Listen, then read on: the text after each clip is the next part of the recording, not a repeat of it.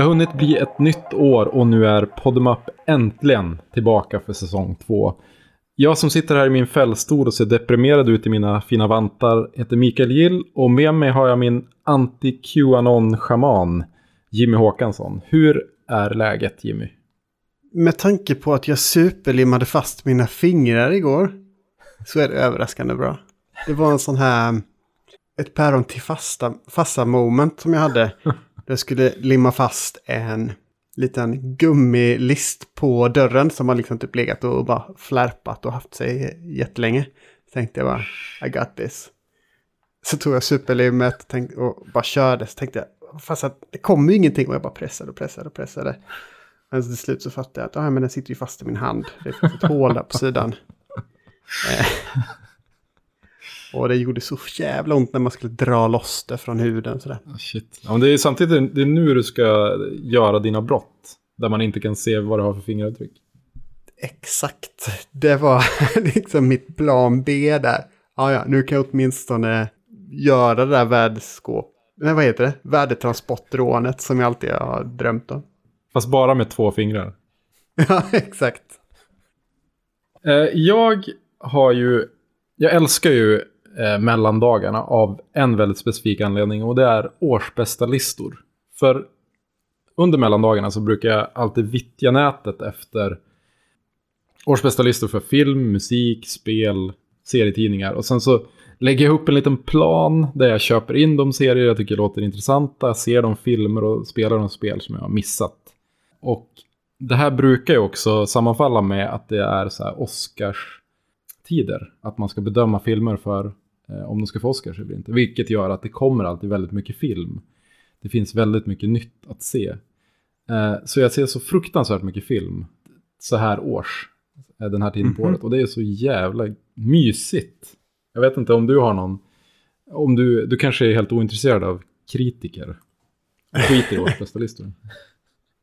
Nej, absolut. Jag tycker det är superintressant. Och jag, jag brukar väl fastna egentligen framför de här årsbästa listorna över typ album och grejer. Och Mm. bara inse att, jaha, ja, ja, jag har ju missat hela, hela året i princip vad gäller bra musik. Eh, Jag har blivit, Ja, men det är så skönt. Man får För som varje- ett... Man, ja, förlåt. Eh, Man får ju som ett destillat av året. Och så är det bara en Ja. massa bajs bortspolat från det här. Mm. Det är jätteskönt. Ja men verkligen. Eh, Nej men det är ju jättehärligt. Men, men just det här tänker jag. Du talade om eh, Oscarsäsong och liksom. Och en film som jag kom att tänka på som kändes som en sån här riktig, riktig Oscar-bait. David Finchers Mank. Mm. Vad, så har du sett den? Och i Det har sådana fall, vad ansåg du om den? Jag har faktiskt inte gjort det än. Den, den är på min lista. Aha. Men eh, jag har inte sett den än, som sagt. Har du det? Ja, den, den är ju liksom absolut, den är ju liksom bra, Mm. eh, absolut. Men den känns ju verkligen som en sån här film som alla regissörs men med något form av kommersiellt förflutet måste göra för att eh, ja, David Fincher är ju givetvis eh, tagen seriöst, men Nej, men de måste ju liksom ha någon form av uppgörelse med sin egna Hollywood-barndom av något slag. Nu är han visserligen inte så gammal att han var liten på Citizen Kane-tiden, men det är ändå liksom det här romantiserandet. Och Mm. givetvis är den svartvit och allting utspelar sig i den här liksom Hollywood-miljön med kulisser och allt sånt där. Ja, det känns som super-Oscar-bait verkligen. Spännande. Ja, men den ska jag eh, ta tag i. Jag kommer att prata om några av filmerna som jag har sett eh, senare i det här avsnittet. Och apropå det, vi har ju två ämnen, precis som vanligt, som vi vill prata om. Eh, du har ett ämne som du kan få presentera nu. Precis, jag tänkte prata om Mandela-effekten. Och vad tänkte du prata om? Jag tänker prata om eh, kapitalismen och de moderna nomaderna. Mhm. Mm.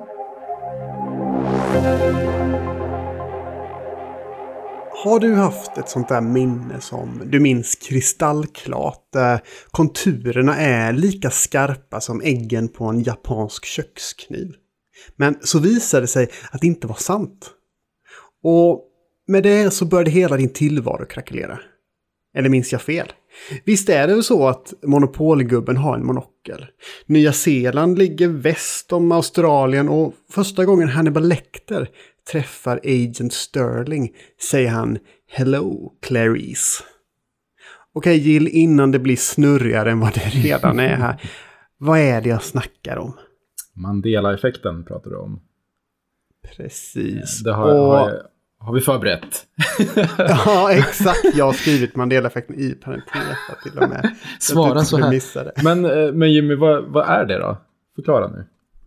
Ja, eh, jag tänkte förklara genom att göra något så spännande att citera direkt från Wikipedia varifrån det här begreppet kommer. Mm. Till att börja med. Och sen så förklarar jag vad det de facto är. Så citat. Uttrycket lanserades av den självutnämnda parano paranormala konsulten Fiona Broom som år 2009 såg på tv att Nelson Mandela fortfarande var vid liv. Parentes här då är att eh, Mandela avled då 2013. Broom var dock helt säker på att Mandela var död och att han dog i ett fängelse i Sydafrika runt 1980-talet. Och sen så fick hon kontakt då via internet med andra som också var säkra på att de hade sett Mandelas begravning på tv. Och det är här då som det blir intressant. För Broom skapade en hemsida som hon kallade för The Mandela Effect. Och lanserade då en teori som kretsar kring parallella universum. För enligt Brooms så kommer hon ihåg att Mandela dog på 1980-talet. För att så skedde i en annan tidslinje. Slutcitat. Vad är det här, Jill? ja, alltså handlar det bara om människor som har väldigt svårt att erkänna att de har fel? ja, där har vi det. Se, nästa ämne. Ja, men, det är ju det som är så intressant att eh, den här paranormala konsulten. Det är, alltså, vad hittar vi alla de här otroliga yrkestitlarna? Det här är ju helt fantastiskt. Alltså det ena ordet är ju helt absurt och det andra ordet är paranormalt. Um, men det lustiga i det här sammanhanget det är att hon hittade jättemånga som mindes samma sak. Mm. Det är inte bara hon själv som har fått fel, utan det är jättemånga andra som hade samma felaktiga minne. Mm. Och eh, det är ju det som är så intressant, att det, det handlar om kollektiva felaktiga minnen. Det är en sak att man själv minns fel. Att, ja, men var, var la jag mina glasögon? La jag dem på skrivbordet? Nej, jag la dem visst på byrålådan. Ja, men jag var ju säker på att jag la dem på skrivbordet. Mm. Um, och det, det, finns ju ganska många exempel på Mandela-effekten. Eh, har du stött till, eller stött på något sånt exempel? Ja, alltså jag tänker ju framförallt på så filmcitat som eh, visar sig inte höra till den film man tror. Eh, och när jag började fundera på det här så googlade jag lite grann och då hade jag för mig, det här är som en en dubbel Mandela-effekt. Jag hade för mig att det här som sägs i 2001, Oh my god it's full of stars, eh, ja. egentligen sades i uppföljaren. 2010 heter väl den? Ja. Och att folk tror att, den, att, att citatet härstammar från 2001. Men det gör det väl? Just de citaten är ju väldigt vanliga. Att man minns mm. fel, att någon säger någonting. Att man inbillar att de säger på ett särskilt sätt. Eh, som jag sa där i min inledning, när Hannibal Lecter först träffar Agent Sterling. Mm. Då minns vi ju nästan allihopa att han säger på sitt lite så här läskiga vis. Hello Clarice. Mm. Men han säger ju aldrig det. Han säger good morning eller, eller good morning Clarice. Jag kommer inte ihåg exakt. Mm. Kanske jag borde antecknat. Men det har jag inte gjort. Men det finns jättemånga sådana exempel. Eh, I Casablanca, eh, det är ingen som säger play it again, Sam. Och eh, den onda drottningen i Snövit, när hon ställer sig framför eh, den här eh, magiska spegeln och vill få svar på någonting, då minns de flesta av oss att hon säger mirror, mirror on the wall. Mm. Det säger hon inte, utan hon säger magic mirror on the wall. Hmm. Och det är väldigt lustigt för om man, om man söker på, på internet så hittar man ju alla de här staten. Mirror, mirror on the wall. Och man hör, ser även till exempel den här Forrest Gump, Forrest Gump-citatet. När Tom Hanks säger Life is like a eh, box of chocolates. Och då säger han egentligen Life was like a box of chocolates. What? Jag har levt en lögn. Ja, ja eller hur? Det finns jättemånga eh, sådana eh, sägningar. Och på tal om sådana citat, nu har ju du varit och, googlat runt lite så nu kan du ju säkert det här. Men vad är det Darth Vader säger till sin son i Empire Strikes Back? Efter de har slagit sådär. Ah, nej, jag, jag vill inte svara på det här. Jag, jag kommer inte klara det. Jag, jag får panik. Nej, men har du. Har du inte eh, vågar du inte chansen? Luke, I am your father. Vad sa du? Luke, I am your father. Mm. Ja. Så minns jag det också. Men det säger han inte. Han säger no, I am your father. No. Han säger Luke, bla bla bla bla bla. Och Luke svarar bla bla bla. Och sen säger Darth Vader no, I am your father. Join me, and I will complete your training. With our combined strength, we can end this destructive conflict and bring order to the galaxy. I'll never join you! If you only knew the power of the dark side. Obi-Wan never told you what happened to your father. He told me enough. He told me you killed him. No. I am your father.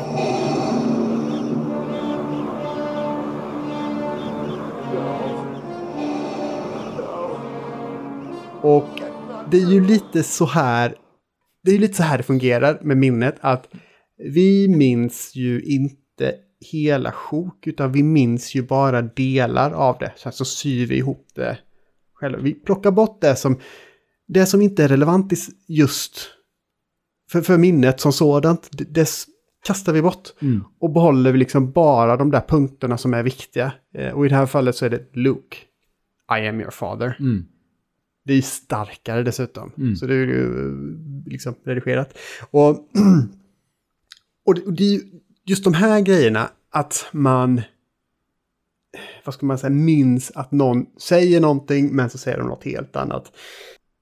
Det, det, är ju inget speciellt med det egentligen, men det finns ju andra grejer som att folk minns att länder och kontinenter låg på helt andra ställen. då, då behöver man tycka att det blir lite skumt. Som exempelvis Nya Zeeland. Det var en del som hade fått för sig att ah, men det ligger ju väster om Australien. Herregud, om någon skulle fråga mig nu skulle jag ju knappt veta. Nej, men nu har jag ju kollat upp det. Ehm, Det ligger ju i Midgård. i Mi- Midgård, exakt. Nej, men vad är det? Syd, sydöst om Australien. Eh, men det är många som minns det som nordöst i Australien. Mhm. Men det som kanske framförallt är vanligt i just kartsammanhang är ju att många minns Sydamerika, att Sydamerika ligger liksom rakt under eller söderut från Nordamerika. Hence the name. Mm. Men det ligger ju lite mer sydöst, så det ligger närmare Afrika. Mhm. Sydöstamerika. Ja, exakt. Det har inte riktigt sådär. Jag rullar inte av tungan på samma sätt. Nej, men precis lite samma sak som No, I am your father. Ja. Men eh, jag tänker att många av de här eh, grejerna kan man ju som hitta förklaringar på. Typ att eh, kartor har ju, liksom, har ju ritats fel av olika anledningar under väldigt, väldigt lång tid. Och därför kan man förstå saker på, på fel sätt. Eh, men det som vore intressant vore ju att se om de här minnena kan skapas av personer som är helt isolerade från varandra. Att det inte är så här, ja vi kollade alla i samma galna kartbok när vi var små. Utan jag minns också att Mandela hade på sig en gul hatt och dog i fängelset. Eh, Mm. Och jag med, utan att de har pratat med varandra.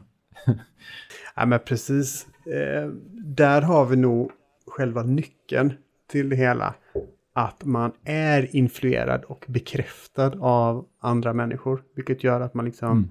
Man, man får sin missuppfattning bekräftad av andra människor. Och ja, i det här kartfallet till exempel. Grejen där var ju faktiskt att ja, men de här kartorna såg ut på ett visst sätt eh, till att börja med. Men sen så bytte man kartsystem.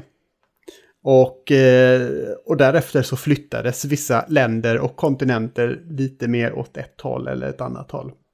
Eh, men, men pre- precis som du säger, att det är lite intressant hur det kommer sig att det är så många som kan minnas exakt samma saker fel.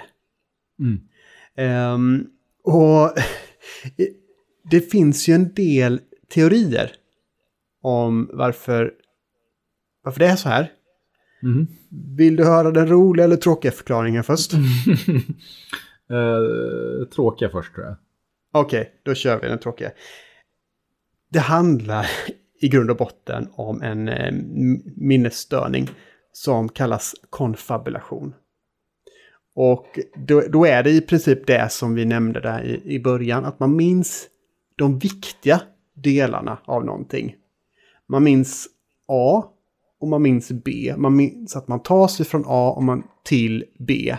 Ehm, men den, den lilla utrymmet däremellan, det fyller liksom bara hjärnan i, ihop. Liksom. Den löser det på egen hand. Ehm, men om det är så att nå- man hör någonstans någon, någon felaktighet som kopplar A till B. Och så hör man den här felaktigheten flera gånger. Varje gång man hör den så blir den, eh, vad ska man säga, den kopplingen starkare. Så varje gång man får den här, eh, den kopplingen bekräftad så blir den starkare. Och då blir den starkare än den, den faktiska kopplingen. Ehm, så om någon upprepar ett fel hela tiden så, så tror man till slut att det är ett fel. Såvida inte själva felet i sig är den viktiga biten i, i, i resonemanget. Eh, Så att säga. Jätteintressant. Så, så det är lite, ja men det är lite som man kollar på, att man kan titta på, man kan läsa ord om man plockar bort vokalerna Mm. i ordet. Då ser man ändå liksom att, ja ja, eh, vi har tagit bort u och o men jag ser ändå att f, r, k, s, t är frukost. Mm. För det är bara hjärnan som fyller i de här eh, tomma bitarna. Och, och, det, och det är den tråkiga förklaringen och det är väl den så att säga vetenskapliga förklaringen. Eh, hur sugen är du på den roliga förklaringen då? Jätte. Jag tyckte de tråkiga Ja. var ganska roliga också, men, men nu är jag, jag har otroliga förväntningar. Då var ju den här paranormala konsulten Fiona Broom, hon var ju inne på någonting när hon började snacka om en annan tidslinje och parallella universum och så vidare. Um, det finns ju flera teorier kring det här och det handlar i grund och botten om typ samma sak. Antingen så är det parallella världar eller olika tidslinjer som har kolliderat på något sätt eller att det har liksom uppstått ett, liksom ett, de har sammansfogats i ett ögonblick och så har det liksom vissa rester har stannat kvar i de olika tidslinjerna. Okej, liksom- och då är att man på något sätt lever då, i, i de här... Man lever par- parallellt på båda ställena och sen smittar minnena. Typ att, ja, men att man har levt kanske i tidslinje 1. Och sen så sker någonting. Och det som sker, eh, som många av de- av de här eh, Mandela-effekt eh, konspirationsteoretikerna tror, det är ju den här eh, CERNs vad heter det, partikelaccelerator. De menar att varje gång man drar, drar igång den, då splicar man upp verkligheten i flera olika delar. Så då, det som sker då är ju att du minns att Mandela dog, men pang, partikelacceleratorn. Nu befinner du dig i tidslinje B. Mandela har aldrig dött. Och så är det ju, ja, Keanu Reeves, wow dude, eh, meme på det. Och det, och det är lite så här att, hmm, är det här en bra Philip K. Dick-novell eller en dålig Philip K. Dick-novell? ja, alltså det, det är ju intressant att leva i en verklighet där det här är en rimlig förklaringsmodell. Mm. Alltså man, man går alltid den längsta vägen för att förklara någonting som egentligen är trivialt. Ja men, ja, men det är ju så här. Eh, Ockhams rakblad brukar man ju snacka om. Att Ja. Den enklaste förklaringen är oftast den sanna. Men Ja. här är det bara, yeah, but how about parallel timelines? Okej. Eh, har ni hört talas om CERN? har, har ni tänkt på den? Ja, den är knivig alltså. Men på tal om det, det kan ju vara så att vi lever i tidslinje, ja vad skulle det kunna vara, B, C, D. För har du, talats, har du hört talas om the Trump theory? Ja, det har jag ju. Men det var ju för att du har sagt. Du har nämnt det. Ja, men det är ju lite så här att vi... Bef- många av de här Mandela-effekt, eller vissa, det, här, det finns väl enklaver av det här, det finns väl hur många som helst. Vissa av dem tänker så här att ja, men vi befinner oss i en av de här parallella verkligheterna som skapades tack vare då partikelacceleratorn. Ehm, och det som skedde nu då är att vi har hamnat i den här halvbra sci-fi-romanen där något så galet som att Trump kan bli president. Det kan ske.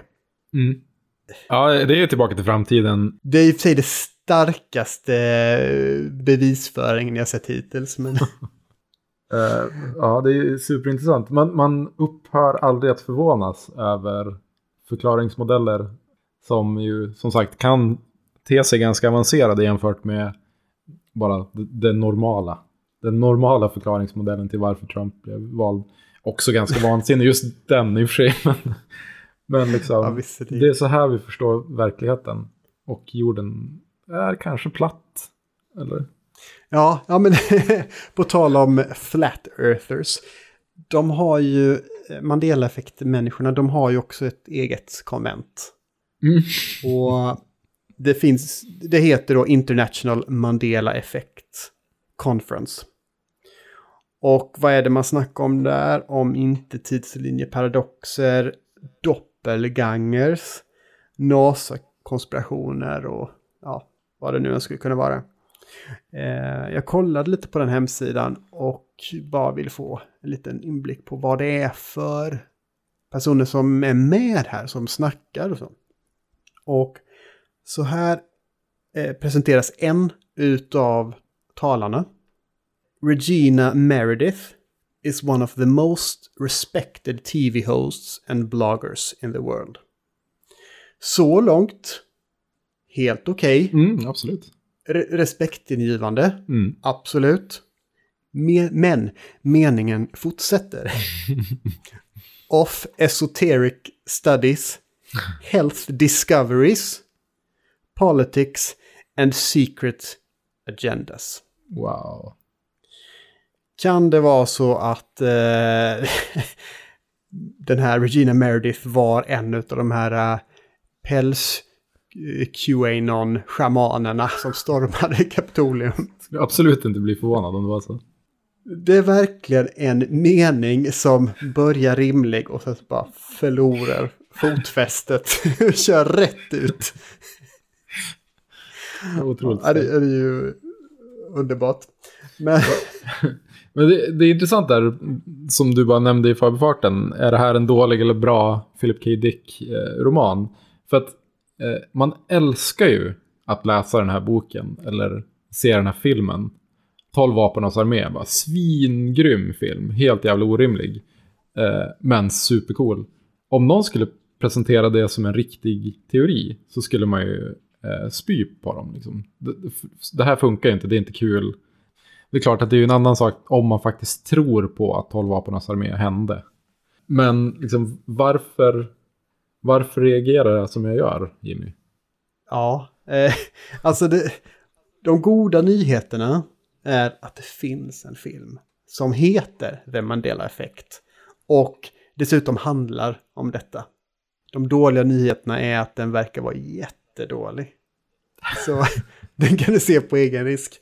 Men om du, om du ändå ska se någonting på temat The Mandela Effect. Eh, då skulle jag rekommendera ett avsnitt av eh, tv-serien How To med John Wilson, tror jag den heter. Det finns på HBO Nordic. Mm. Varje avsnitt handlar om ett specifikt ämne och det spirals out of control ganska fort. Eh, och jag kommer inte ihåg vilket ämne det handlar om. Det kan vara så att ett, ett avsnitt kan handla om hur man småpratar med folk, ett av, avsnitt kan handla om eh, hur man gör den bästa risotton. Byggställningar. Byggställningar, ja precis. Ehm, och sen så har han ett avsnitt som handlar om, som jag inte ens kommer ihåg vad det handlar om, men ehm, som slutar med att han hamnar på The International Mandela Effect Conference. Och, eh, och träffar så här quantum businessmen. Vad Wow. det nu än är för någonting. Konsulter säkert. ja, verkligen. Fy fasen. Jag skulle ju också vilja veta vad liksom The Mandela Estate, vad de, vad de tycker om att liksom Nelsons största eftermäle är det här. Ja, det, är så här vi, det är så här vi minns dig, eller halva världen minns dig för, för de här sakerna. Alltså, ja, jag und- undrar om de är, jobbar lika nitiskt som, ja men jag tänker så här, de som har hand om exempelvis Astrid Lindgrens varumärke. Hade hetat The Lindgren Effekt. Hade de blivit sönderstämda innan de ens hunnit nämna parallella universum. Faktiskt. Eh, Ja, shit vad, Ja. vad intressant. Det, det är ju alltså, spännande att tänka på hur hjärnan funkar och hur människor i grupp funkar också. Att man kan intala sig att saker är på ett visst sätt. Om man liksom inte har någon som är redaktör eller vuxen i rummet bara. Ja, och det är ju, jag vet inte riktigt vad det säger om oss att eh, vi som människor inte kan acceptera att vi faktiskt haft fel om en sak. utan istället uppfinner en helt bananas teori om varför vi i slutändan hade rätt.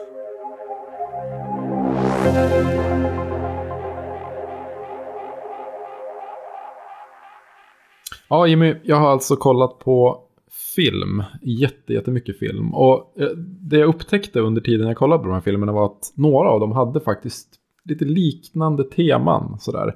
Eh, det är inte bara filmer från 2020 som jag har sett, utan lite andra grejer också. Och eh, de här filmerna som jag skulle vilja prata om, de heter Nomadland, Shoplifters och Carts of Darkness.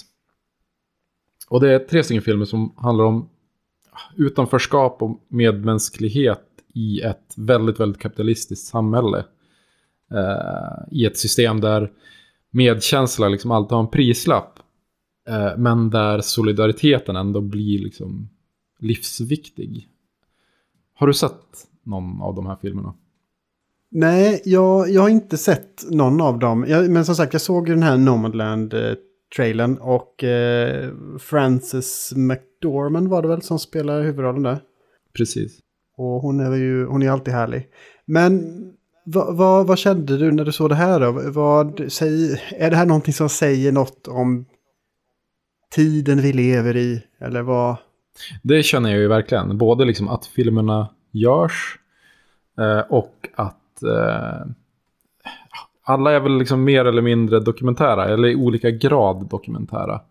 Eh, vi, kan, du kan dra handlingen lite, lite fort i Nomadland först då, som handlar om Fern, som är spelad av Frances McDormand, och hon är också med och regisserar den. Eh, som är gjord av en kinesisk filmskapare som heter Chloe Zhao. Fern lever i en liten stad som är byggd kring en fabrik. Och när fabriken lä- läggs ner så slutar stan att existera. Postnumret tas bort. Och de här hundratalet som, som lever i, i staden blir liksom utan jobb och måste se sig om efter andra sätt att försörja sig på. Samtidigt så eh, går också hennes make bort. Och, och saker blir ganska tajta. Hon, eh, hon är ganska gammal och hon borde egentligen pensionera sig. Men det har hon inte råd med. Så det hon gör istället är att överge sitt hem, packar allt hon äger i sin lilla minibuss och beger sig ut på vägen. Och Nomadland är en film från förra året som bygger på en bok som skrevs, eller som kom ut 2017 av en författare som heter Jessica Bruder. Hon levde tillsammans med de här nomaderna som de kallar sig för i tre år. Och så skrev hon en bok, en, en, ja, en dokumentärskildring om det här livet. Då. Eh, filmen i sin tur är ju inte en dokumentär, däremot så är det många av de här karaktärerna som, eller personerna som är med i boken och som på riktigt lever det här livet som spelar varianter av sig själva. Så den, den är väldigt äkta på så sätt. Zhao, hon som har gjort filmen, eh, verkar jobba lite grann så när hon gör film överhuvudtaget. Att hon, hon tar riktiga människor eh, och använder dem i, i sina filmer. Eh, men det som liksom framkommer av den här filmen är att det finns Eh, ganska många vita människor i pensionsålder i USA som inte har råd att leva som eh, pension, pensionärer kanske borde göra. Att de har ett hus och de har en liten peng och de kan äta och ta det lugnt på livets höst. Liksom. Utan de, de måste göra någonting mer för att dryga ut kassan. Eh, de kanske måste betala sjukhusräkningar som de inte har råd med. Och på så sätt så behöver de bo i sina, sina bilar eller sina husvagnar och åka runt och jobba på ställen där, där de får jobba. Det finns någonting som kallas för Amazon Camper Force som alltså är någonting som Amazon-företaget eh, har bäddat för kan man väl säga. Där man aktivt söker äldre människor för att, eh, för att jobba på, på lager. Framförallt inför högtider när det kräver extra, krävs extra mycket jobb på lagret. Liksom, inför jul, man ska packa alla julklappar. Då kallar man in de här tusentals eh, pensionerade husvagnsmänniskorna. Och så får de, får de jobba ett tag och så får de lite pengar. Hur kommer det sig att man eh, vill åt just den här målgruppen så att säga? Är det för att de är desperata? Ja, alltså det är ju, det är ju den kapitalistiska grundtanken, liksom, att eh, billig arbetskraft är en, en bra sak om man vill göra stor vinst. Sen finns det också lite så ekonomiska incitament för företaget. De får skatterabatter för att de låter disadvantaged eh, personer, det kan också betyda människor som går på food stamps, typ, eh, låter dem jobba åt dem. Då får de någon slags eh, skatterabatt. Amazon travels all over the country advertising Camper Force. Jessica Bruder's book, Nomad Land, argues broader economic trends have given Amazon an easy source of good, cheap labor. They're the perfectly evolved predator for the economy that we've created. Och det som du säger att om folk bor i sina bilar, mm. det är ju någonting som känns otroligt amerikanskt. Och mm. det är så amerikanskt och vedertaget att man kan nämna det i en film eller en tv-serie eller en bok eller något annat sånt populärkulturellt sammanhang. Och att man liksom kan bara bosta bort det där med att det inte är så himla farligt. Ja, men jag hade en... Några månader så bodde jag i min bil. Typ. Mm. Ja, för, för oss låter det väl... Alltså, om man tänker på det så låter det ju tragiskt. Eh, samtidigt som det finns någon så här lite småromantisk idé om frihet. Och så att man kan, det finns ingenting som, som liksom knyter dig till landet du står på. Utan du kan, bara, du kan glida runt och vara nomaden. Det är lite Jack Kerouac fast eh, 2020. Ja men exakt, lite den grejen. Fast liksom egentligen så skulle ju förmodligen, eh, det skriver Jessica Bruder i sin bok, att många av de här har ju inte valt nomadlivet. Eh, utan de har tvingats till det för att eh, den ekonomiska kraschen som var liksom eh, bostadskraschen innan, eller där kring 10-tal, 2010. Eh, gjorde att jättemånga blev av med sina hem, sina hem och förlorade sina investeringar och så här. Och, och kunde inte bo kvar i något annat än i sin bil. Mm. Eh, och så åker man runt och söker jobb på campingplatser och ja, på sådana här lager och eh, ja, väldigt dåliga arbetsplatser oftast. Och med noll, liksom, det finns ingen facklig rep representation utan eh, man jobbar där man får. Typ. Mm. Men tycker du att det har varit något slags uppsving? Eller ser du en trend eh, vad gäller just sådana här filmer som hanterar de här ämnena? Ja, men det tycker jag väl ändå. Alltså om man, om man kollar på de här de två andra filmerna som jag också har sett då. Eh, nu är det ju lite Choplifters som är en japansk film. som kom ut 2018 handlar ju om ett, en, en ganska brokig skara, så här, lo- en, en familj utan biologiska band tror jag att det var, jag läste någonstans att de beskrev det som. Eh, ja, men personer som hamnat lite på glid och sen tytt sig till varandra och sen genom att snatta överlever som, som en ja, någorlunda normal familj. Eh, fast de liksom hasslar sig till mat och pengar på olika sätt. Och lever på en superkomprimerad yta. Det är väl den Mm. japanska motsvarigheten till att bo i sin bil. Att man bor liksom hela familjen på 10 kvadratmeter. ungefär. Mm. Ja, en liten pojke bor i ett skåp typ. Eh, Ja, eh, den där grejen. Och, och eh, Cards of Darkness som är en äldre, en, en dokumentär. Eh, det är en, kille, en kanadensisk kille som filmade snowboard väldigt mycket. Ända tills han var med i en bilolycka och blev eh, rullstolsbunden. Han eh, börjar började hänga med ett gäng hemlösa som har kommit på att åka kundvagn. Det är deras så här, eh, extremsport. De tycker att det är så jävla grymt att bara packa, när de ändå håller på att samla tomburkar och tomflaskor, packar de en kundvagn full med tomflaskor och så bara öser de ner för en backe i 70 km i timmen och tycker att det är livet. Typ. Och ja, men, hemlösa liksom, så de bor ju ute i, i skogen när, när det inte är snö, när det faktiskt går att sova under, under stjärnorna. och det är väl liksom nivån. Så fort man lever i sin bil. Då är det liksom, ja men då finns det en viss romantik. Som man kan tillskriva det. Eh, Mm. Men nivån under det, att man liksom lever i sin shoppingvagn. Det är inte riktigt lika. Då, då är det ju bara misär. Då går Verkligen. det ju inte att skönmåla det. Nej men verkligen. Men, men det som är intressant är att alla...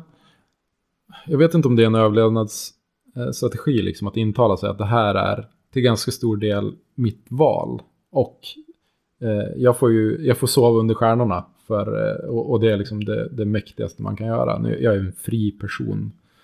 Eh, jag, jag bryr mig inte om reglerna. Om det är en överlevnadsstrategi för att eh, kunna hantera att du inte har ett annat val. Du kan låtsas som att det är ditt fria val som har satt dig där. Men ditt val består av, liksom, du har ett alternativ.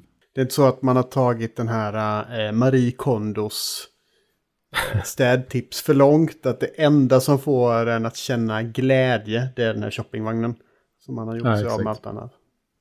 Nej men precis. Och, och liksom, det, det är ju inte konstigt att de här filmerna kommer. Det är inte konstigt att de berör heller. Det är ju en situation där klyftorna växer mer än, än någonsin tidigare och skillnaden mellan rik och fattig blir allt större.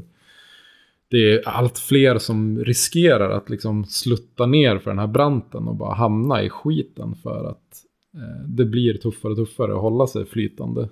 Men det som, det som jag tycker är intressant med de här filmerna är också att det handlar liksom inte bara den här illusionen om det fria valet som jag tycker känns lite märklig. Men, men att de också fokuserar på solidariteten i den gruppen. Eh, att man hjälper varandra att klara livet som, som hemlös eller livet i en bil. Att, så här, att man, det, nu minns jag inte namnet på det. Jo, Rubber Tramp Rendezvous är en så här, som en festival nästan där nomader i USA samlas och, och så här, har en vecka där man bara umgås och, och utbyter tips. Eh, har seminarium typ att, ja men så här, så här eh, målar du din bil så att den håller ett år till. Typ. De här grejerna kan du göra för att så här, fixa smart förvaring i din bil. Såna här grejer. Eh, att man hjälper varandra att hitta nya jobb. Alltså motsatsen till det här som vi brukar matas med. Att när apokalypsen kommer då skjuter alla varandra och äter varandra för att sån är människan.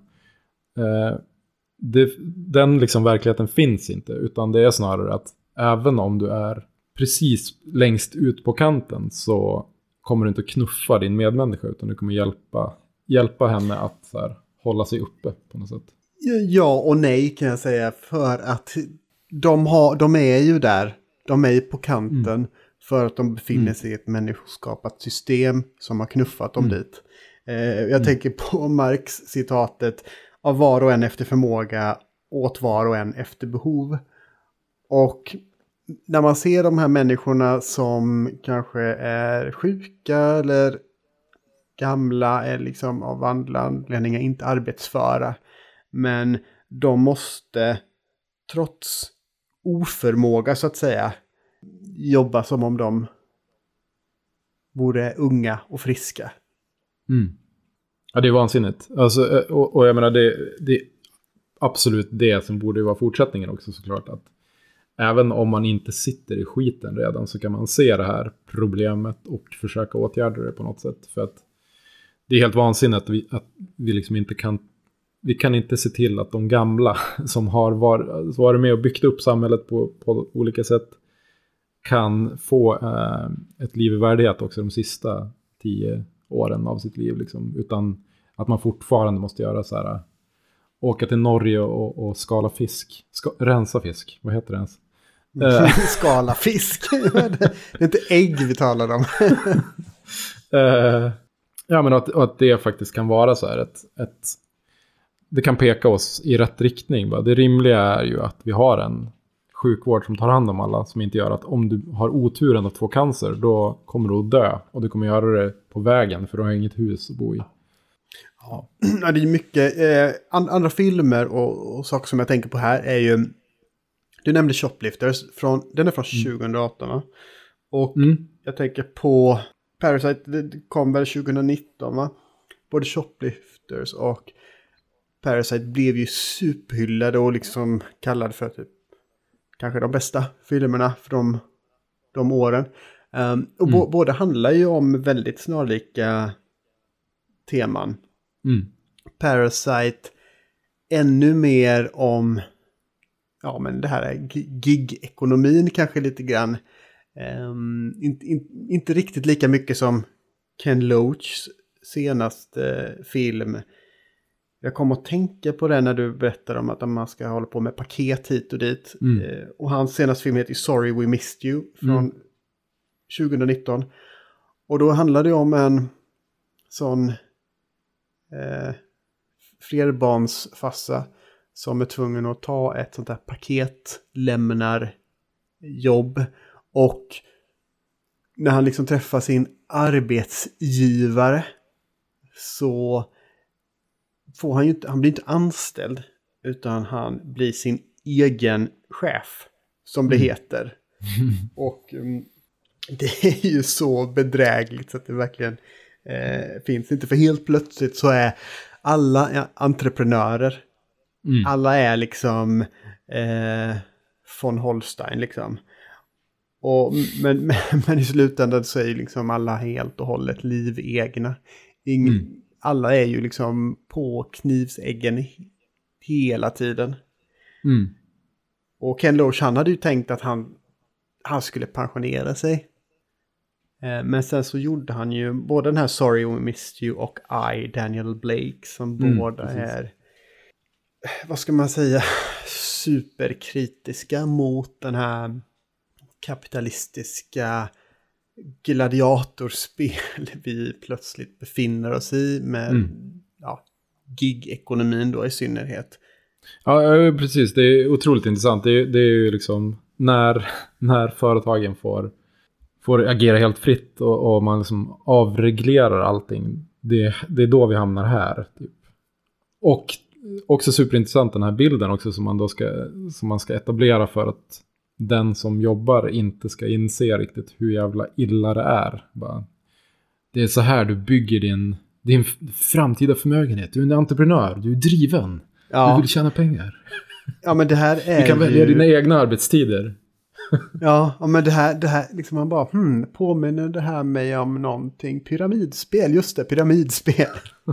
ja, men det, och det blev ju olagligt av en anledning.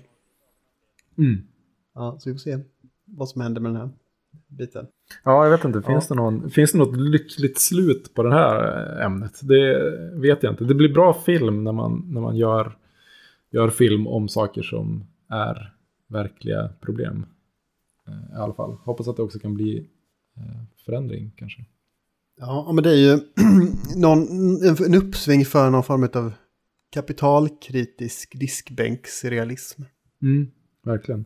Jag har faktiskt inte sett någon mer film av, av Chloe eh, Zhao, Zhao tror jag man säger. Eh, hon har gjort en film som heter The Rider som, som handlar om en rodeo-ryttare som jag väldigt gärna vill se. Som också verkar hur bra som helst. Hon verkar superspännande, men så läste jag att det är också hon som ska göra nästa så här stora Disney-satsning. Hon ska regi- regissera The Eternals. Eh, och så tänker jag bara, eh, jag hoppas att hon inte fastnar i, i Disneys nät. Utan att hon fortsätter Oj. göra de här eh, kanske li, lite viktigare filmerna också. Nu, nu börjar jag tro på Mandela-effekten med splicade tidslinjer och ehm, vad är det man säger i community, the dark timeline. Disney äger oss alla snart. ja, precis. Fast vi är ändå alla entreprenörer.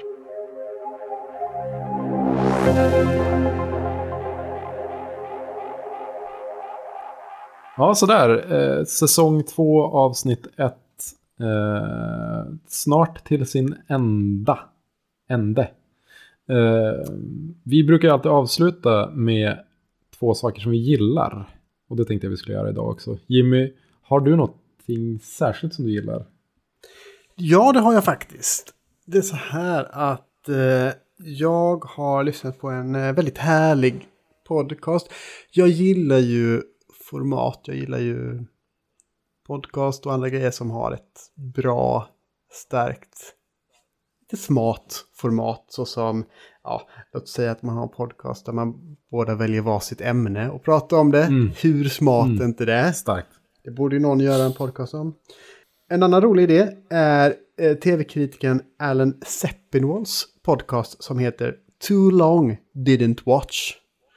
Och det är nästan som man kan gissa sig till att han bjuder in olika skådisar för att se första och sista avsnittet av en serie som de inte har sett.